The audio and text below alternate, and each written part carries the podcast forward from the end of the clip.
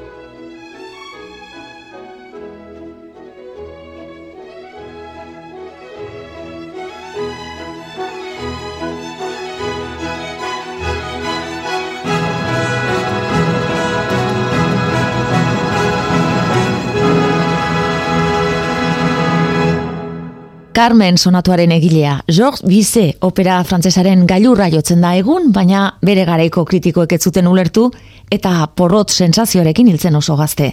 Arrakasta izatekotan entzun berri dugun Lar Lesiene izeneko lan honekin izan zuen. Izen bereko antzez lan batentzat idatzi zuen eta gero lau mugimendu osaturiko suite batera moldatu zuen. Lendabiziko entzun dugu Josep Pons zuzendari Kataluniara gidatu duen Ciudad Granada orkestrak jota. Klasikoak eiteben. Aglesetik bergamora, salto batean amazazpigarren mendeko Marco Utxeli niren musika gogoratuko dugu. Aria sopra la bergamazka.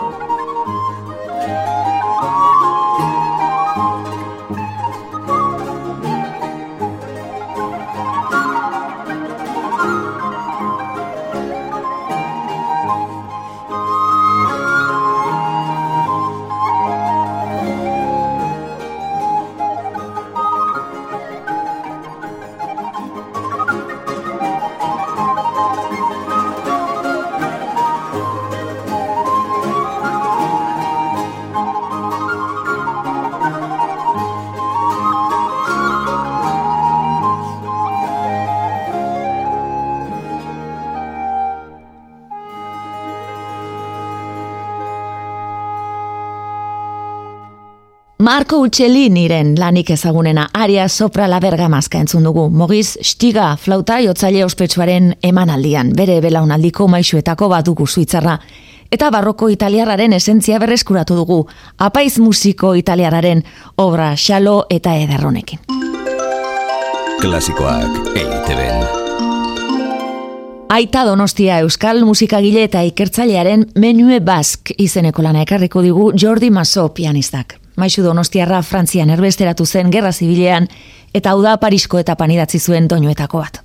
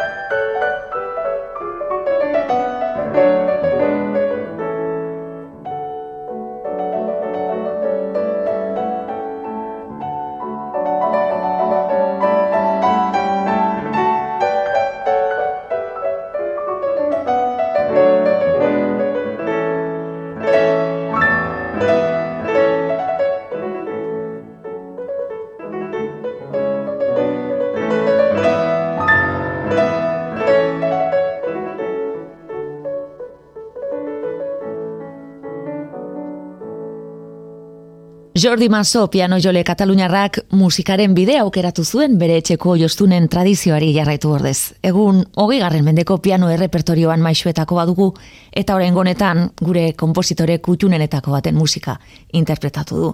Aita donostiaren menue bask. Klasikoak eite ben.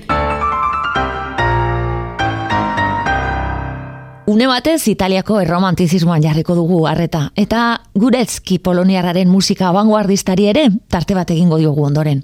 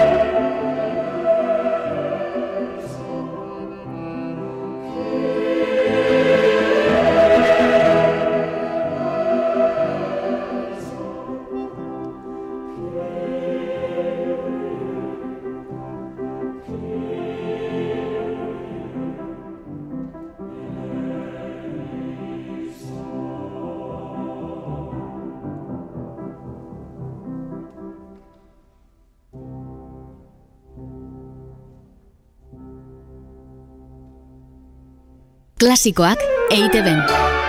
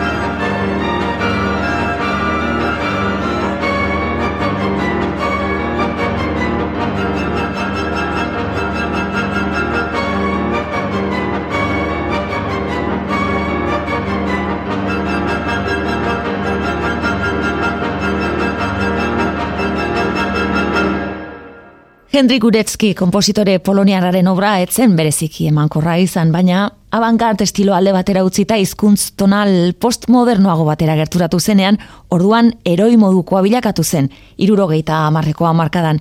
Bere mistizismo eta espresibitate emozional gardenaren adibide da Little Requiem for a Certain Polka korapilatsua. Eta gaurkoan, bertako hirugarren mugimendua entzuteko aukera izan dugu. Ana Guretzka, piano jolea, eta Antoni Fitz zuzendariaren eskutik.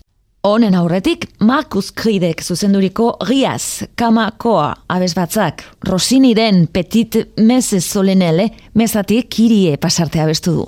Ez da izen buruak adierazten duen bezain txikia ez hain serioa, baina bai oso ederra, eta Joaquin Rosinik azken urtetan idatzi zuen obra nagusia, egilaren esanetan bere zartzaroko azken pekatua. Klasikoak EITB-en.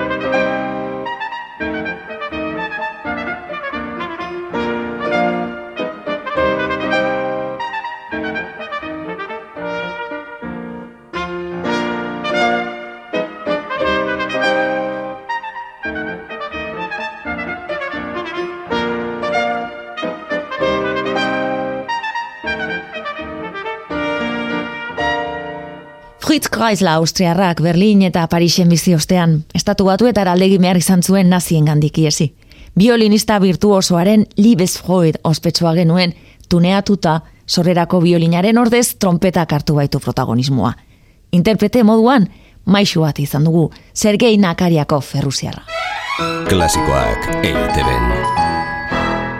Fagotari tarte bat eskeniko diogu orain.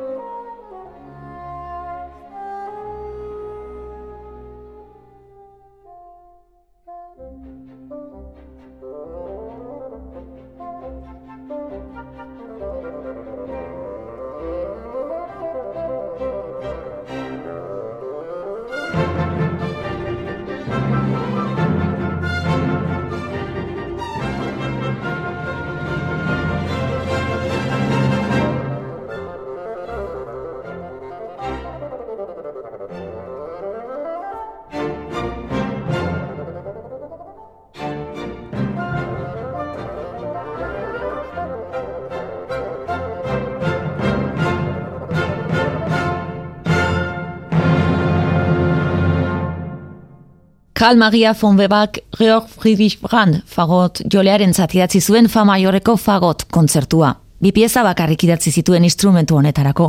Eta Jako Luomak tapiola sinfonieta taldearekin batera ekarri digu. Jean-Jacques Cantoro, frantziarra izan dute zuzendari. Eta fagota izango dugu berriro ere entzungai. Mathieu Lucie kompositorearen basango duzue. Nadine Maki Jackson kanadiararen interpretazioan.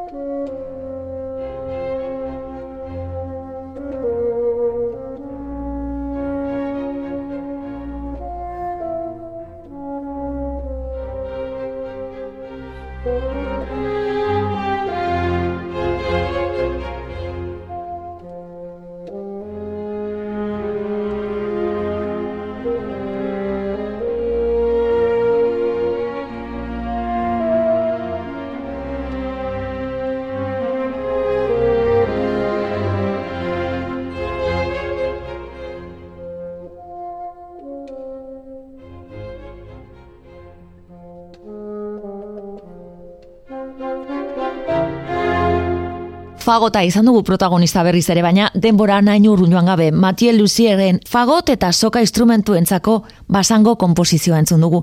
2000 eta bederatzean, Nashville Just Plain Fox jaialdian saritua.